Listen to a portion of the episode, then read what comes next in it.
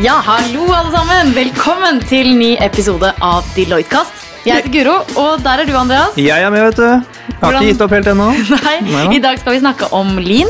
Kontinuerlig forbedring. Mm -hmm. um, noe vi jobber mye med i konsulting hos oss. Jeg har hørt uh, noen rykter om det, i hvert fall. Jeg har ikke vært med Nei. på det selv, men uh, ble... Hvor, hvor kom du borti begrepet Nei, første gang? ble, For min del så ble jeg eksponert for dette her eh, på, under studier. Altså, jeg tror ethvert økonomistudie med respekt for seg selv har litt lean inni, inni der. Om uh, redusere sløsing og Effektive prosesser. Ja, ja, ja, og da Kaizen og sånne ting. Det kom opprinnelig fra Toyota og Japan og sånn, og effektiv eh, produksjon. da. Mm. Så, så det, det syns jeg var ganske kult da, men eh, nå i det siste så har jeg mest hørt om noe rundt lean startup. Ja, sant. Det skal vi også komme innom i dag. helt annet, så det har jeg ikke helt skjønt hva er linken der, liksom. Så det håper jeg vi kan få litt, eh, få litt klarhet i også i dag. Første gang jeg hørte om det, det var faktisk da jeg som 20-åring jobbet som ovnsingeniør oppe i, på en solcelle sol, silisiumfabrikk i Glomfjord i Nordland. Der jobba jeg sammen med alle gutta på gulvet, og der var det og der var det altså, Jeg fikk Toyota Fieldway, nei, Toyota Fieldbook eh, i gave den sommeren. ja. Så der handlet det handlet mye om eh, lean. Altså få mest mulig effektiv produksjon. da. Så lean manufacturing er jo der det kom fra. Ja, først sant? fra Toyota. Og så kan du vel bruke det til litt andre ting også, Mm. tror jeg. Men uh, det skal vi høre om fra våre prominente gjester her. Uh, Jørund Vollan er med. Du er jo partner i selveste Operations her i, i, på huset, så takk for at du er her. Det er bare hyggelig. Så har vi også med Rune Strupstad Andreassen, som er eh, manager også i Operations. Det er riktig. Mm. Hei. Så vi, vi først er vi litt nysgjerrige på det med operations. Jeg, ofte så tenker jeg liksom så Det er noe nesten synonymt med lean og operations internt. Er, stemmer det? Hva, hva gjør dere egentlig? Hva, hva skjer i operations, liksom? Enkelt sagt så driver Operations og forbedrer kjerneprosesser. Eh, Alt effektiviserer, gjør ting billigere, raskere, bedre. Eh, produksjon, bank, helse. Alt som har en prosess, kan Operations være med å forbedre. Og Da bruker vi ulike typer verktøy, og en av dem er Lean. Ja, riktig. Så alt som går liksom fra et startpunkt til et sluttpunkt, liksom? Eh, Ja, men det kan også prosess. være at vi restrukturerer kostbasen til et uh, firma. Mm. Kostkutt uh, gjør vi også. Bygge ulike typer forretningsmodeller som for å øke lønnsomhet, gjøre ting bedre, rett og slett. Så, Få maskineriet til å funke ja, få sjappa til å gå bra. Det er vår, vår oppgave. Det, det er ikke en liten oppgave. Det er hmm, spennende. Og du, Rune, hvordan har dette sett ut i praksis i din karriere så langt? Nei, altså Nå begynte jeg i Deloitte for fire år siden. eh, Og da var jeg så heldig at et av de absolutt første prosjektene jeg fikk, så ble jeg koblet sammen med en, eh, en merkelig engelskmann eh, som hadde jobbet med dette mye i London. Kommet til Norge bare noen få måneder før jeg gjorde det. Eh, Da ble vi eh, satt på et eh, prosjekt for Statens vegvesen, der de ønsket å gjøre noe så uvant som å effektivisere eh, driften på de forskjellige eh, eh, halvkontrollene sine. Fordi når du har en, Halvkontroll, Ja, når du har en bil, da, ikke sant. Alle må inn og ha en EU-kontroll av og til. Det må man også på større eh, biler, eller semitrailere for den saks skyld, ikke sant? for at de skal være trygge å kjøre på veien. Um, og Statens vegvesen er bygget opp i fem forskjellige autonome avdelinger som gjorde ting på litt forskjellig måte her og der. Og da ønsket de at uh, dette skulle standardiseres litt, og da koblet de på oss. Så det var sånn jeg først kom i kontakt med lean-prinsipper i utgangspunktet, egentlig. Ja. Og Hva gjorde du da? Er det å intervjue og observere og der, og se hvordan de gjør uh, bilkontroller, liksom? Var det det som For akkurat det prosjektet så var det noe med at uh, datatilfanget, og dette er en utfordring i veldig mange Lean-prosjekter, at datatilfanget er enten ikke på plass, eller datakvaliteten er veldig dårlig, så det er vanskelig å måle. Det er vanskelig å analysere liksom, For å gjøre liksom kvantitative analyser i Excel, liksom, så har du ikke dataene til å gjøre det. Nei, for eksempel, kanskje du, hvis du har et system som er helt perfekt, så kan du bare gå inn og, og, og hente ut de dataene derfra, og så begynne å analysere de, men ofte så må du ikke det, du må kanskje bygge opp en database. Mm. så det vi gjorde da, var noe så enkelt som det de kaller for go to the gamba. Eh, Go to the gamba. Ja. Go to the Gemba, som er da Gemba, ja. et uh, Dere var litt innom Det med vi om, ikke faktisk. sant? Ja. Det er dette Ja, ja. ene japanske begrepet som har noe med lokasjon å gjøre? Scene of the crime, Ja. egentlig. Det okay. kommer liksom fra uh, politiverden, da. Men det handler jo egentlig om det dere kanskje nå har skjønt, at man går og ser på prosessen der den faktisk foregår. Ja. Hørtes fornuftig ut. Og, og så brukte vi det vi kalte et spagettikart. Så vi rett og slett bare sto der, så på arbeiderne der, hvordan de gikk rundt i lokalet. Eh, og så tegnet vi opp hvordan dette så ut, og så blir det relativt kaotisk til slutt. da. Så gjør vi det på Ah. forskjellige steder og ser hvor er det ting er lokalisert. Så tegner opp fysisk hvor de flytter seg. Altså Så går rundt. enkelt. Ja, så enkelt. Hmm. Mye av Lean er fornuftsatt i system. Så dette er bare ett av de verktøyene som man kan bruke. Da. Men det- Fornuft satt i system. Ja. Det høres jo veldig gøy ut. da. Litt sånn detektivarbeid, egentlig. Er det, ja? Det er jo akkurat det der. Det er jo å finne løsninger på problemer og effektivisere ting. Eh, Få mennesker til å jobbe best mulig i prosessen sine, prøve å skape den perfekte hverdag hver eneste dag. Wow. Eh, Lean er hjerte og hjerne. Hjernen er talldimensjonen som eh, Rune er inne på. Og da må man jo telle. Jeg har vært med å veie post. Bruke enkeltsaker, følgesaker det, er- det er så mange måter å telle på som du Altså Du får et datagrunnlag til å gjøre noe på, og så er det å få medarbeiderne til å trives med å gjøre den jobben på best mulig måte. Ja, for det er den ene det, Eller det er kanskje den andre delen av det. At du kan mappe og, og effektivisere så mye du bare vil, men hvis ikke de følger den nye prosessen, så er det kanskje litt uh, forgjeves. Ja, og der er jo ikke vi nordmenn det aller beste til å følge standarder. Det er jo noe vi hater. Så ganske sikker på at driver 30 stykker med det samme, så er det 28 måter å gjøre den jobben på. Ja. Og da er det å finne akkurat de tingene som man må gjøre likt, da. Det er kanskje der vi kan hente ut et potensial. potensial. Og så vil jeg Vi kjører en del kursing også Eileen. Eh, og en av de første tingene jeg sier da, det ene er hva Lean er, men det andre er hva Lean ikke er. For det eksisterer en god del forvirrings, uh, altså forri- forvirringer rundt begrepsbruk der. og eh, Altså Jeg pleier å si at Lean er ikke en øvelse i, i stoppeklokke. Det er ikke et skjult nedbemanningsverktøy. Det er mange som har slike preconceptions. Yeah. Jeg har f.eks. sittet 14 dager i seilbåt med stefaren min, og da får man mye tid til å prate. Han har jobbet i olje i alle år og hater begrepet lean, fordi han har vært borti så mange eh, tiltak der man rett og slett ikke fullfører det man startet på. Og det er jo ikke en utfordring som kun gjelder for lean, men det, det gjelder alle tiltak. Så hvis man ikke gjennomfører det og har fokus på det over tid, og ledelsen ikke står bak det, så bare faller det i fisk. Ja, så han, han syntes det var, eh, eh, virket som et dårlig konsept fordi det på en måte ledet ikke til noe fornuftig. Han så ikke poenget med det, ikke sant? så Nei. heldigvis så fikk vi tid til å snakke om det. Ja. masse tid til å now. Ja. Ja, har dere noen eh, flere eksempler på der dere har jobbet med Lean, og hvor dere har sett stort resultat? Altså stor forskjell fra før og etter? Ja, eh, jeg jobber mye med saksbehandlingsprosesser. Eh, Ikke uvanlig at vi dobler produktiviteten og halverer saksbehandlingstida eller enda mer eh, når vi gjør det. Og det er jo rett og slett å sette litt ting i system. Er det mye offentlig? eh, Nei, det, jeg jobber mye med tjenesteutvikling, om det er bankfinans eller offentlig eller andre tjenesteytende. Så er det mye av de samme tingene vi ser. Eh, Eksempel var at en, det var offentlig, da, eh, for å få et brev fra kunden eller brukeren til ferdig saksbehandling, så ble brevet sortert ni ganger. Sortert, da, ja. Ni ganger. Så da har det gått med et par årsverk til å sortere brev rett og slett i en måned. Eh, Så da er det bare å finne ut ok, hvordan er det vi skal sortere brev, og hvor mange ganger trenger vi egentlig å gjøre det. Så det kan være noe så banalt som det. Andre ting er å liksom lage eh, En av de største feilene man gjør, er at man lager sine egne oppgaver. Eh, bruker man lang tid på å svare på en henvendelse, så får du en purring. Hver gang så har du skapt en ny oppgave ved å ikke gjøre den oppgaven du egentlig skulle. Eh, få riktig kompetanse, første, første ledd opp mot kunden er også viktig, og da å skape gode grensesnitt. Overleveringer er helt kritisk. Så for riktig kompetanse opp mot, da mener du at, eh, Du skal at du får det ikke bli satt over ti ganger for å finne riktig saksbehandler. Riktig. For eksempel. Det er sløsing, for da har du tatt opp tida til ni stykker, og kunden er dritsur. Ja. Så, ja, hvordan retter du opp i det, liksom? Nei, det er jo, og, og igjen så må du få eh, fakta på bordet. Eh, rett og slett fortalt, for få se, De fleste vet jo ikke hva problemet er. Hvor mange henvendelser svarer du første gang? Hvor mange sender du videre osv. Det, det er ikke informasjon man har nødvendigvis. Mm. Og så ser man kanskje bare sin, sin lille del av prosessen, så du vet ikke at det brevet faktisk har vært innom åtte andre sorteringspunkter før du skal sortere det en gang til. Nei, og så skjønner du ikke hvor kunden er sinna når du endelig får prate med ham. Så Og det i seg selv er egentlig veldig stor verdi. Um, For å få kartlagt dette, så kan man f.eks. bruke vi skal snakke metodikker, da, noe som heter verdistrømkartlegging. Og da er det veldig eh, nyttig å bare samle alle mennesker som er involvert i en prosess i et rom, og få det til å, på et brunpapir.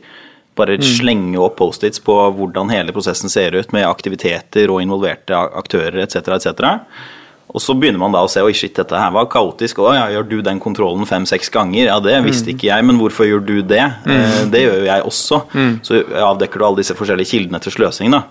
Og så kan du begynne å analysere. Um, man snakker jo om verdigivende tid og ikke-verdigivende tid for kunden. Og det man ofte ser eh, La oss si du har kartlagt denne prosessen, og så begynner du å analysere hvor lang tid man bruker på, hvis det er en sak da, eh, som går gjennom et system. Fra eh, du sier at noen sender av gårde noe, en kunde kommer med en henvendelse, og så prosesseres det, og så får du en tilbakemelding til kunde. Så la oss si det kan fort ta 14 dager. Men verdigivende tid inni der, den tiden man faktisk bruker på arbeid, arbeidet på det, kan være 3-4 minutter.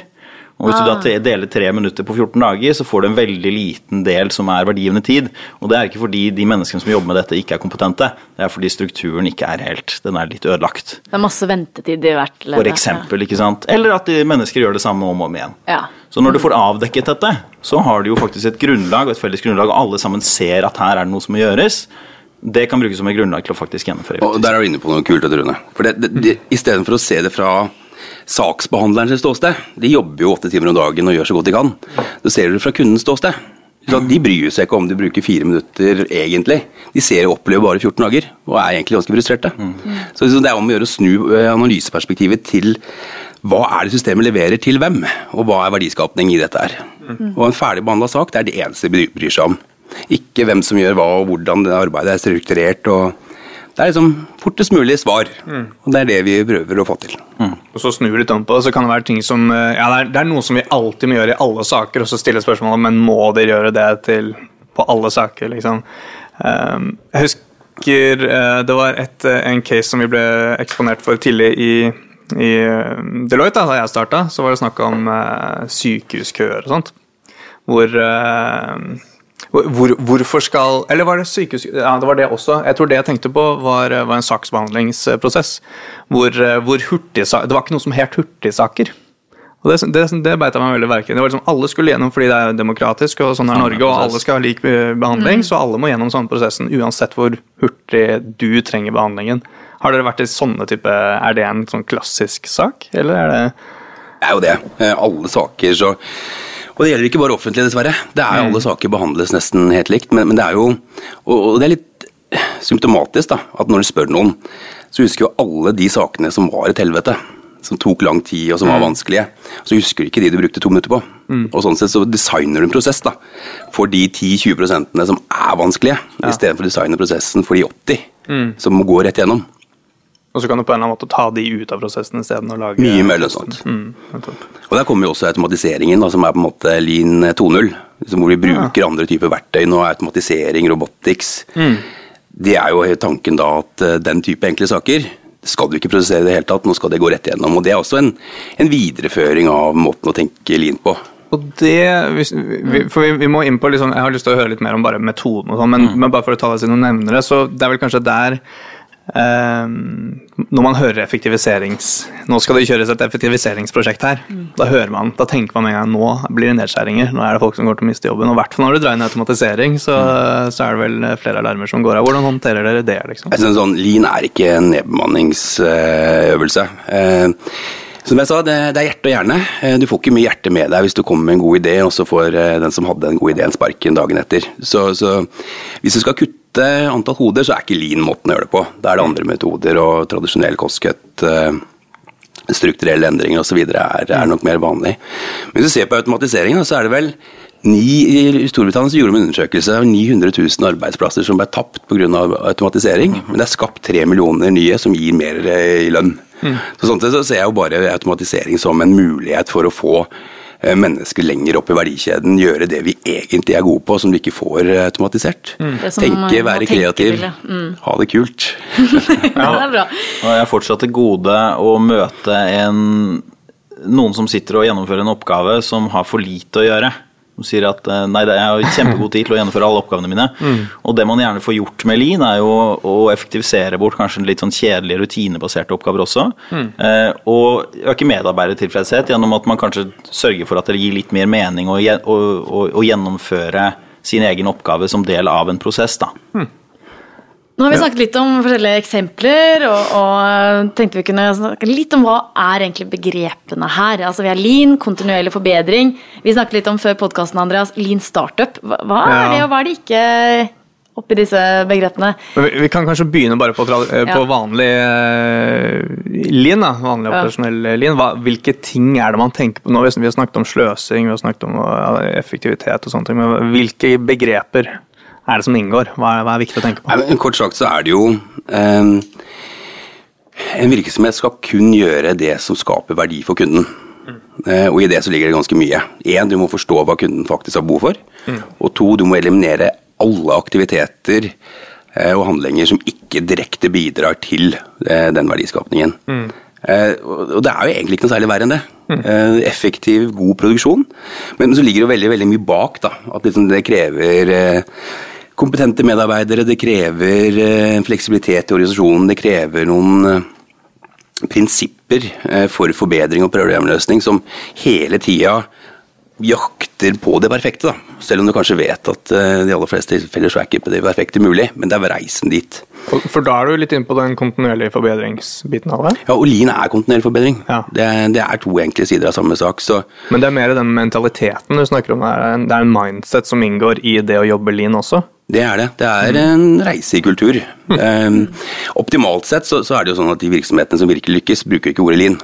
De sier det er bare sånn vi gjør det her. Ja. Eh, Det er en del av kulturen. Eh, Vi tar Vi og bare er effektive, vi bare vi ser løsninger, vi kutter ting som ikke Vi leter etter problemer og løser Ja, de, eh, og tester og evaluerer, og så får vi bedre resultater. Så man kan kjøre et lean-prosjekt for å komme til å bli en sånn Det er det som er målet. Ja. Så er det noe med at altså, det var ikke sånn at lean plutselig en dag oppsto over natten, og så fant man ut at dette her er lean. Altså, Bakgrunnen for lean eller kontinuerlig forbedring, om du vil, er kanskje du kan trekke det tilbake så mange hundre år du bare har lyst, for det handler om å effektivisere en flyt. Eh, og så Dere var inne på dette med Toyota, ikke sant? og det var kanskje da det virkelig kom til den felles eh, kollektive mind, da. Med, med, med visse verktøy man kjørte der. Og så, som vi snakket litt om før sendingen her, så og du også var inne på, Jørund, dette med at eh, mange forskjellige man, man kobler inn nye aspekter på lean eh, på en årlig basis. Dette er noe som kontinuerlig er i bevegelse. Og vi ser også veldig stor verdi i eh, dette med f.eks. å koble på design thinking eh, som en tidlig øvelse for å sikre at eh, Vi snakket om verdigivende tid for kundene her i stad. Det gir ingen mening å effektivisere en prosess for prosessens skyld. Hvis den prosessen er helt unyttig for kunden in the first place, så gir det ingen mening å gjøre den så bra som mulig. Det må være noe som faktisk etterspørres hos kunden. Da. Så det å koble dette opp mot Vi snakket om RPA, vi snakket om automatisering, koble det opp mot design thinking og forskjellige ting. Til slutt så gjør det at det er jo bare et sett med metodikker som man setter sammen, og så kaller man det lean, rett og slett. Jeg vil likevel si at det, er jo, det er noen prinsipper som er gjennomgående. Da. Eh, kundeverdi, absolutt helt kritisk, det er det du lever av. Eh, empowered eh, medarbeidere som faktisk har meningsfulle jobber. Eh, effektive prosesser uten sløsing. Kutte variasjon, jobbe med standardisering. Mm. små produksjonsstørrelser, batch size of one. Så at du, du faktisk produserer ikke til lager, du har en kontinuerlig flyt av varer og tjenester som, som kommer ut. Og Konsekvensen av det er at jeg må vente to, tre, fire måneder før sofaen min er ferdig levert. Når jeg bestiller en sofa, er det ikke det? Da har du ikke lean, det er batch. Det er batch, ok, ok. Da produserte de brune sofaer, og du skulle ha en svart en. det er det det Hva som var det du skjer? kalte det, Jørgen? Batch size of one. Og det er egentlig et predikt... som du prøver å predikere hva slags sofa er det Andrea skal ha. Ja. Og så når han skal ha den, så er det faktisk den klar akkurat når den kommer. Aha, jeg trodde det var snakk om at de venta med å produsere noen ting som helst før jeg kom med bestillingene. Det er ikke verdiskapende, for det, Ikke sant, det er jo ikke verdi det. for deg er jo å få sofaen nå. Mm. Og hadde konkurrenten hatt sofaen på lager, så hadde de tapt deg som kunde. Så det, det er ikke Ah, noe god kundeverdi i det. Deilig, deilig. Okay. det, var, det var faktisk ganske fint å forklare. Uh, og så, så er det jo også et sånn bærende prinsipp, da. At uh, Toyota er jo det som blir trukket frem. Eh, de sleit veldig med bremsene sine, tilbakekallinger. Det var vel midt på 90-tallet, slutten av 90-tallet, var det? Jeg begynner å bli gammel, så liksom, tiårene flyr litt for fort for meg. Men, men, men da tenker du på at når Toyota lagde sine prinsipper, så skulle de lage den beste bilen for eh, sine kunder. Den beste, høyest kvalitet, kunne få store valgmuligheter. Det var på en måte en spesialtilpassa bil til sin kundegruppe. Kvalitet var egentlig det drivende prinsippet. Og dette var et veldig vellykka konsept, og de ble jo kjempestore. Mm. Og så kom det en ny administrerende, og så ville han plutselig bli størst. Og det er, eh, det er liksom helt uh, feil i forhold til lean-tenking. For det, det, er jo ikke noe verdi for kunden at du er størst. Det er ikke noe verdi, Du lager ikke noe bedre ting fordi om du er størst. Du får kanskje mer økonomisk spillerom, du får kanskje noe større forhandlingsmakt. Men når du da tar dette verdiskiftet, hvor det blir viktigere å produsere mye enn det blir viktigere å produsere bra, da tapte de seg, så nå fikk jo han sparken, og nå er de på eh, back on track igjen. Mm. Mm. Så det, det er et verdisett som ligger til grunn her, som ikke dreier seg om å tjene penger, men det går på å maksimere eh, de ressursene du har, eh, og minimere ressursforbruken i å produsere. Så det ligger jo også noe sustainability eh, bak denne tenkingen. Mm. Nå, nå, snakker vi mye om produksjon her, men, og det, det, er også noe vi møter ganske ofte når vi snakker om lean ute hos kunde. Og det er som du sier, vi, tilpasser gjerne også begrepsbruken litt etter hva slags kunde vi snakker med. Eh, F.eks. så er, kan det være nyttig å heller snakke om kontinuerlig forbedring med, med, visse, med, med visse selskaper. At det er mer forståelig, ja. ja. ja for at, skal, at, de skjønner at det ikke bare er produksjon det handler om. Ja, ja, mm. Men, men det er nettopp det, at det handler ikke nødvendigvis om å optimalisere en produksjonslinje, men en flyt, og en flyt kan du også ha på saker. Mm. Du kan også ha det i systemer, du kan ha det på en lånesøknad f.eks. Mm. Den også går gjennom en flyt i banken. Hva er det dere gjør mest av? Er det, det er kanskje ikke så mye produksjon i Norge? Nei, jeg har jo jobba med Lean i 15 år og har vel eh, kun ett eller to av dem vært i en produksjonsbedrift. Resten har vært innenfor tjenesteytende. Men, men, det er jo sånn som Rune sier, det er jo alt fra hva har de gjort for noe? Produsert maling og melk eh, fortest mulig, og så utvikla kreftmedisin. Mm. Så det er ganske Oi. stort spenn i hva slags type prosesser dette kan egne seg for. da. Uh, det er en ting som dere har jobbet uh, litt Jeg har hørt noen rykter om at dere har laget noen spill. Det er, noe, er, det gamification ute og går her? Er det ryktet allerede ute i markedet, Rune? kan hende jeg plantet det ryktet. Nei, det er, jeg har faktisk Jeg hadde på lista mi før, ja. før jeg snakket med dere at uh, dette her var noe spennende som dere har kokt opp som uh, ja, vi må få høre om. Vi snakket jo så vidt litt om dette at vi gjennomfører kursinger. Mm. Uh, at vi gjennomfører kursinger for kunder utenfor huset her. Og som et ledd i det så ser vi nå på ikke bare, Vi ser ikke på muligheten, vi skal gjennomføre et tiltak der vi eh, lager et lean-simuleringsspill som vi kan eh, bruke hos mange forskjellige kunder. Så det skal være eh, relativt eh, generisk i struktur, men eh, noe som vi kan eh, kustomisere til de forskjellige kundene som vi går til. Mm. og dette lean-simuleringsspillet, det er jo opp, opphavet til at vi ønsker å gjøre det, er for å posisjonere lean og problemløsningsteknikker. Og så prøver å eh, Prøver å inkorporere gamification inn i dette, der vi eh, rett og slett kjører simuleringsrunder. Da. La oss si du har tre runder, der første runde er designet. Vi satt i går og designet en helt forferdelig crappy prosess. Mm. Så det er, liksom, det er status quo, liksom? Sånn det er i dag, eller? Ja, det er status quo. Eh, der skal det være ganske mange hiccups og være en ganske krevende prosess for både Eh, de som er ansatte eh, i spillet, og de som er kunder i spillet. Det skal være en vond prosess for alle sammen. Sånn at man har et utgangspunkt eh, å snakke om i etterkant. Dette er snakk om kanskje 15 liksom. minutter, ikke sant? Mm. der man prøver å analysere. Bruker noen av de metodikkene som vi har diskutert inn her mm. i dag. Mm. Før man i runde to gjør noe kanskje litt bedre, og så i runde tre så blir den enda bedre, da. Så vi prøver å posisjonere dette med lean. og der er, Du skal få lean under huden, er egentlig hovedpoenget, men det skal være gøy å gjøre det. Så vi skal hjelpe kunder til å forstå hvordan de skal jobbe med lin gjennom Riktig. det spillet? Ja. I, og vi skal bruke det i kursing? Var det det du sa? Eller? Ja, det er en nære opplæring mm. og uh, forståelse. Så, og, og, I det spillet her også, eller simuleringen, så er det jo om å gjøre å få med seg de nye elementene av lin For sånn som Rune var inne på, så er det jo Toyota dette kom fra i sin mm. tid. Uh, de hadde solgt det var det er det en symaskinfabrikk de hadde i Toyota i sin tid, 1930-åra. Eh, og Så begynte de bilfabrikk, og så ble de bomba sønder og sammen under krigen. og Så skulle de begynne å bygge og revitalisere bilfabrikken sin igjen. Eh, og Da dro de over til USA og så hva er det de fikk til. Og Da var det jo en enorm kort ledetid.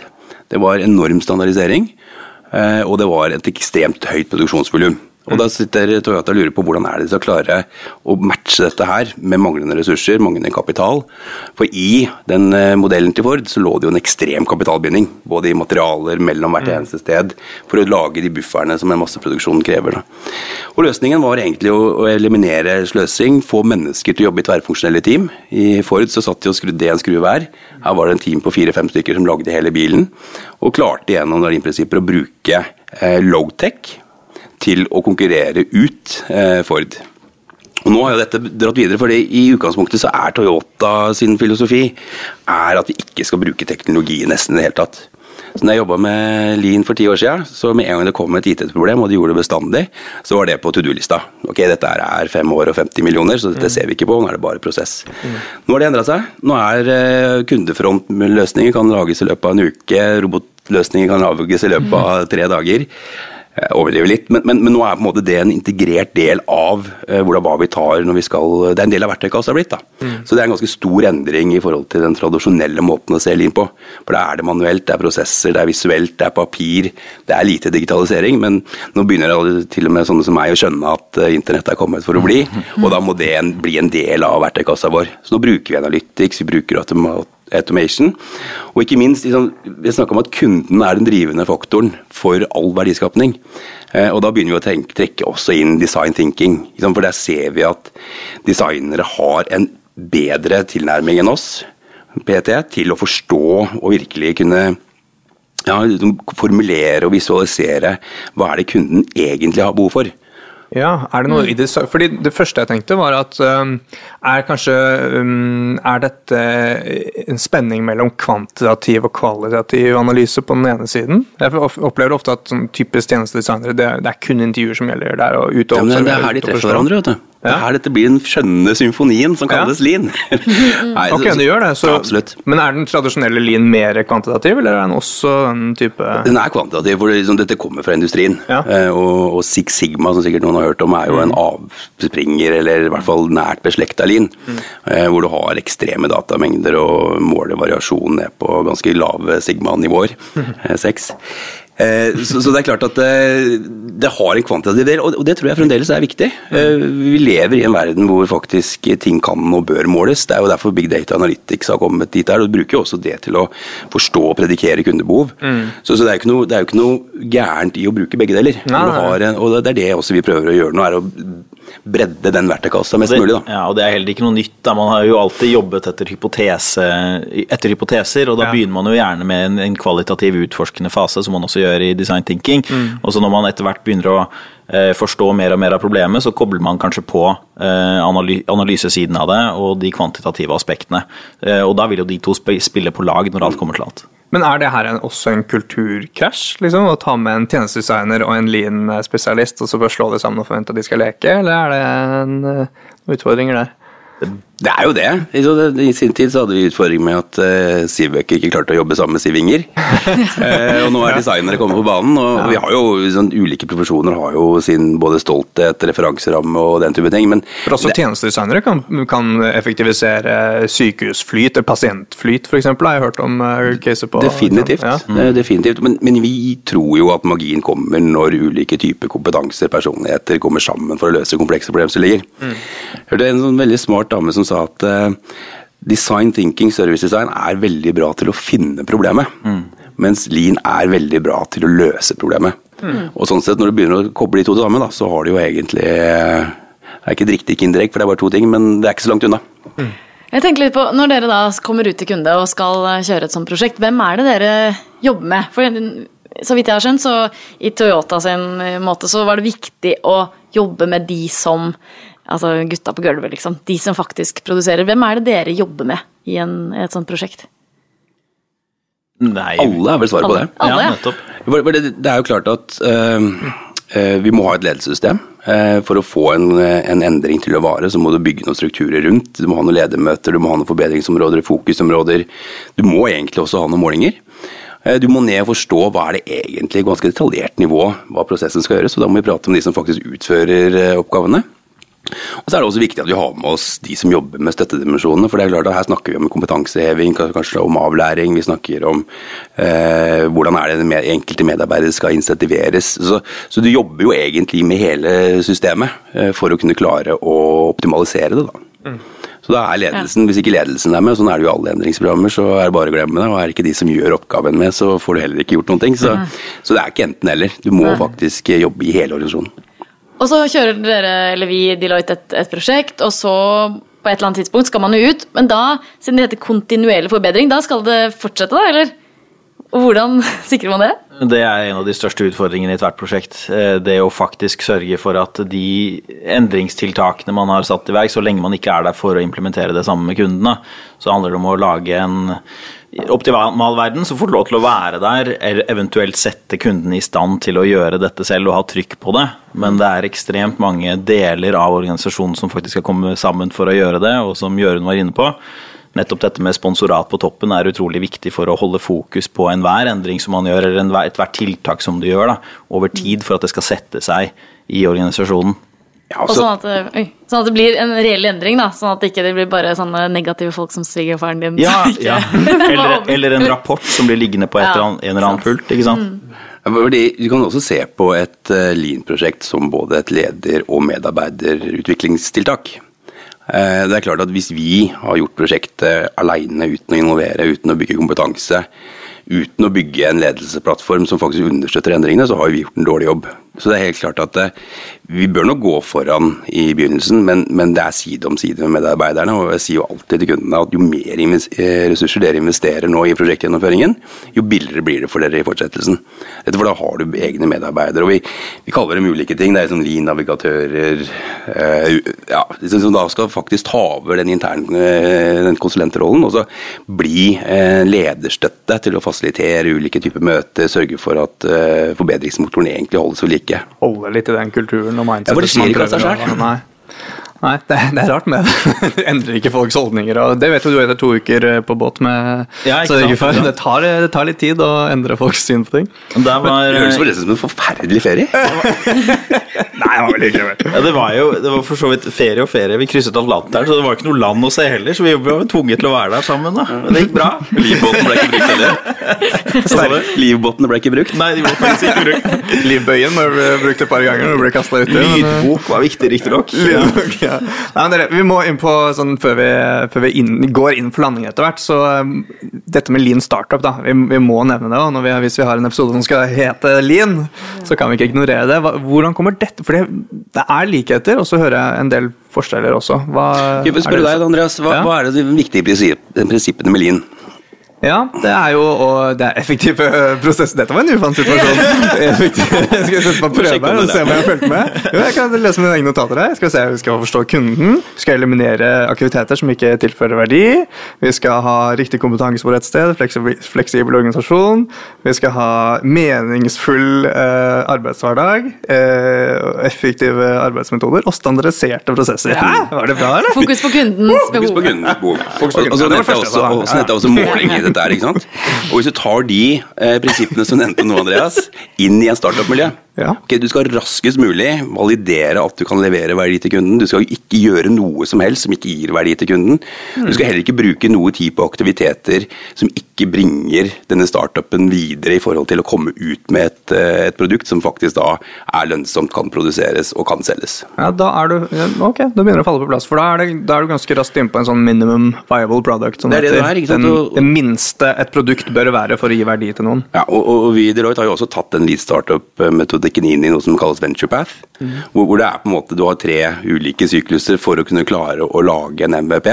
Hvor hele tida du stiller deg tre spørsmål. Er det etterspørsel, kan det bygges, og kan du tjene penger på det? Mm. Og hele tida etter en sånn type sprint. Så, og, og da er det jo utrolig viktig at du ikke bruker noe som helst tid på ting som ikke tilfører verdi til kunden, ikke bringer produktet forover, eller heller ikke ha medarbeidere som ikke faktisk lever ånde for å faktisk det de gjør. Så, så prinsippene som funka for å lage bil 1940, kan faktisk appliseres på en ganske high low-tech-startup også. Og så er det overlapp Sorry, ja, for det, det dette er jo kjempeoverlapp med Vi hadde en episode med Market Gravity her også, som har uh, design-sprinter, og design-sprinter er noe som kommer Ja, det er sikkert før det òg, men fra Google. Jeg har gjort det kjent, i hvert fall. Og det er også de samme tre spørsmålene. Er det etterspørsel, eller er det ønskelig for noen? Er det mulig å komme hit og tjene penger på det? Altså VenturePath, som du nevnte, det er et pro- program som vi kjører med kunder, sant? Så det er Ja, liksom stemmer. Ja, det er en metode, som, Metode. Ja. hvor vi pro produktiviserer litt eh, lean startup-tilnærmingen, da, for å gjøre den litt mer eh, håndgripbar. Mm. Jeg har jobbet med uh, Håndgripelig en heter det kanskje. Ja. Ja.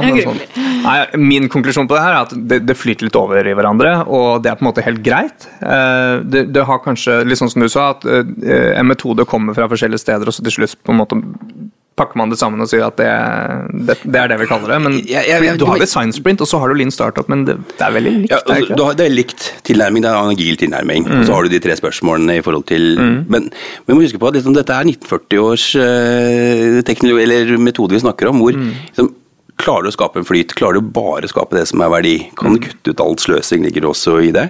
Kan du kutte ut all variasjon, altså alt det som ikke er, du er sikker på gir eh, verdi? Og, og kan du faktisk også eh, bygge et system som måler og tester verdiskapen fortløpende? Og, og det er jo de prinsippene som så De er jo ganske godt testa og prøvd ut, og så kan du faktisk bruke dem nå i helt ulike typer byggeprosjekter, kreft, eh, startup eh, det, det er, Men prinsippene er gode, og det er derfor tror jeg også de har levd såpass lenge. Og, og dukker opp i forskjellige settinger og med forskjellige labor. Og grunnen til at de ligner litt på hverandre bare si bra, Andreas. Det var Godt jobba. Jo, takk. takk, det godt å slutte. Ja, ja, det var godt fortjent, synes jeg. Ja, takk for Grunnen til at de ligner litt på hverandre, er fordi de følger en veldig logisk flyt på hvordan man håndterer eh, løsningen av et problem. Da. Fordi det, det første du starter med, er gjerne å prøve å oppdage og finne ut hva er konteksten for det problemet jeg ønsker å løse. Så begynner du å forstå det. Da kanskje nevner du det, eh, knytter du deg inn mot det man kaller sweet spot i den eh, double diamond i design thinking, ikke sant? før du begynner å generere ideer og til slutt lager en prototype. Og det er også grunnlaget for rammeverket som heter Plan, Do, Check, Act fra Lean, som egentlig kom på plass med Toyota for mange mange, mange år siden. ikke sant? Så Man bruker noen veldig smarte eh, eh, trekk og, og metodikker for å ramme inn et problem, og så er det hva du legger inn i det, som kanskje definerer hva man til slutt kaller det. da, Om man kaller det market gravity eller lean eller hva som helst. Det er relativt forskjellig innhold, men de følger jo en insane eh, eh, loop, da. For å avslutte med litt mer erfaringer som dere har gjort dere. Dere har vært på mange Lean-prosjekter og sett mange utfordringer. Hva er det som er det vanskeligste med å kjøre Lean-prosesser? Det er jo klart at når du er langt langt nede i en prosess, da, som vi ofte er eh, Vi ser jo på oppmerkinger, eh, hvor er det, hvordan en søknadsskjema ser ut, hva folk trykker på skjermen. Så er det klart at det er jo begrensa eh, hvor skalerbart det er når det er såpass dypt nede i en prosess. Hvis du har 10 000 medarbeidere i en virksomhet, og de jobber kanskje med 100 om gangen, så kan dere tenke at det tar en god stund før du har rulla ut lin alle steder. Så det å en, sånn som Rune var inne på, få dette her til å være kontinuerlig, til evigheten og forbi. Men også det å få det skalerbart, så at det blir virksomhetsovergripende. Og der ser jeg nå veldig store muligheter innenfor teknologi. For det er klart at eh, når du har automatisert noe, når du har fått dette her inn i en digital struktur, kunden gjør mer og mer av jobben, du har faktisk oppfylt kundebehov, så, så blir også skalerbarheten noe, noe helt annet. Eh, Og I den forbindelse også så er vi nå eh, kommet ganske langt i samarbeid med NTNU og en del andre større virksomheter hvor vi skal se på hva betyr lean og digitalisering. For som jeg sa, så er jo Toyota har jo vært low-tech, og det har vært hele tida teknologi skal ikke være løsningen. Men nå erkjenner vi at liksom med den nye digitale tidsalderen så, så er dette her blitt en helt integrert del av hvordan du skal drive utviklingsarbeid. Og hvordan påvirker det, og vi kan, hvordan kan vi også da bruke lean-prinsipper for å ta ut den eh, potensialet som ligger i eh, digital. Hva med nye når dere, får- jo sånn eh, Som et stort konsulenthus, så får vi inn nye ansatte hvert år, vanligvis. Hva er det de nye konsulentene liksom, Hva er det den typiske feilene en ny Lean-konsulent gjør? da? Nei, det, er- det er jo klart at uh, har man, vi er heldige, da. Vi får jo de aller, aller beste unge menneskene. Eh, men, det- men det er klart at det, det Jeg sa kanskje innledningsvis at liksom det er hjerte og hjerne. Nå skal jo Lien hjerne forstå, analysere, telle, begynne å kvantifisere. Og, og det er egentlig ganske greit. Du klarer ganske kjapt å tilføre en virksomhet ny informasjon gjennom bare å se det med litt nye briller. Men det er klart at da må du begynne å over- overtale, overbevise, forklare, jobbe ganske mye med endringsledelse Ja, og, og, og få organisasjonen til å ha lyst til å gjøre noe annerledes. Jeg syns det er dritkjipt å gjøre noe nytt. Liksom, Jeg forstår det, men, men det å bruke da liksom litt erfaring, noen eh, tips og triks for å dra organisasjonen i riktig retning, da, uten uten å liksom komme med pekefingeren og si at dere gjør det så dårlig så det er klart dere må endre dere. Og så Det menneskelige aspektet. Ja, og så ha tyngden til å gå i de diskusjonene med kanskje ganske senere folk. er kanskje en del Ja, av det, Seniorfolk er én ting, men det er jo vel så interessant å diskutere med en kar som har jobba på én oppgave de siste 40 årene og syns at jeg er en stor dust. som kommer å ødelegge. Syns han gjør det på en god måte. Ja. Og så vil jeg si at kanskje spørsmålet er stilt litt feil. fordi det er ikke slik at hvis vi får en nyutdannet konsulent fra skolen som kommer hit, for ja, de er veldig dyktige, men det er ikke slik at de kaster de til ulvene for seg selv og er meningen at de skal kjøre et lean-prosjekt eh, alene. Man har gjerne en prosjektleder som er ganske dreven i dette, og hvis det går galt, så er det mer fordi eh, mer fordi selve prosjektlederen kanskje ikke har gjort jobben sin, enn at den nyutdannede konsulenten eh, har gjort noe galt. Ja, da. riktig. Så du skylder på meg? Jeg skylder alltid på deg, Jørund. Uh, Hvem var det du syntes var vanskelig da når du starta? Eh, På lean-prosjekter. Ja? Jeg vet ikke om jeg syns det var så vanskelig. Jeg hadde alltid hatt dyktige prosjektledere på de prosjektene jeg har vært på, og fått god støtte. Så det det handler om, er jo egentlig bare å være litt ærlig på hva du er dyktig på, ikke dyktig på, hva du trenger støtte til, etc. Eh, og det er ikke lean spesifikt, det handler bare, om, bare mer om hvordan du skal være en god konsulent. da. Eh, hvordan er det du jobber med et konkret problem, hva trenger du for å settes i stand til å løse en utfordring? Eh, og ha en dialog med den som er prosjektleder på det. da. Ja, jeg har vært på ett prosjekt hvor det var en god del innslag av Lean, og da kjenner jeg meg veldig igjen i det du snakket om, Jørund, med det å, å klare å kanskje også ha selvtillit som helt ny konsulent i å skulle påvirke og snakke med hjertet av organisasjonen og få de til å være med på endringen. Da. Så, det, men selvfølgelig, prosjektlederen kan jo gjøre mye for å gi de nye konsulentene liksom, en måte og selvtilliten til å drive det gjennom. Nei, men Jeg, jeg, jeg syns dette var skikkelig spennende. Det, det tok meg tre og et halvt år da i Deloitte før jeg virkelig kom til bunns i hva er lean. Det syns jeg med liksom verdien vi skal være litt nysgjerrige. Og... Ja, Hva skjedde med det, liksom? Men, Ja, Dere eh, kan sikkert mest om organisasjonen eh, av alle på huset her. men det kan du også gjøre hvis du hører på alle episodene. Så ligger, de ligger fritt ute, så det er ikke noe for det. Det er ikke skjult kunnskap som vi holder tett til brystet. Nei, nei, nei, det ligger. Så, det- that's on you. That's on you. Og med det sier vi takk for for det sier vi takk for det. Men tusen takk for at dere ville komme. Det var kjempespennende å høre mer om kontinuerlig forbedring og Lean, som vi skjønner nå er det samme, faktisk. Ja, og så ser jeg litt linken der til design thinking, egentlig til agil, altså det å sette kundene i sentrum og være effektiv og, og ikke sløse med tid eller ressurser, og levere verdi. Altså dette her var, eh, det var opplysende, det var nyttig. Må ikke glemme det menneskelige aspektet. Så du det? Ja, det er menneskelige aspektet. Å ha verdifulle, meningsfulle oppgaver. Mm. Det, det liker vi. Det, det er ikke dumt. Nei, men uh, Tusen takk for at dere tok dere tid. Takk for det. Veldig hyggelig å ha dere her. Og til dere der ute så håper vi at dere har uh, hatt uh, god nytte av denne Ja, episoden også. Håper dere har lært noe og hatt det gøy. Ja.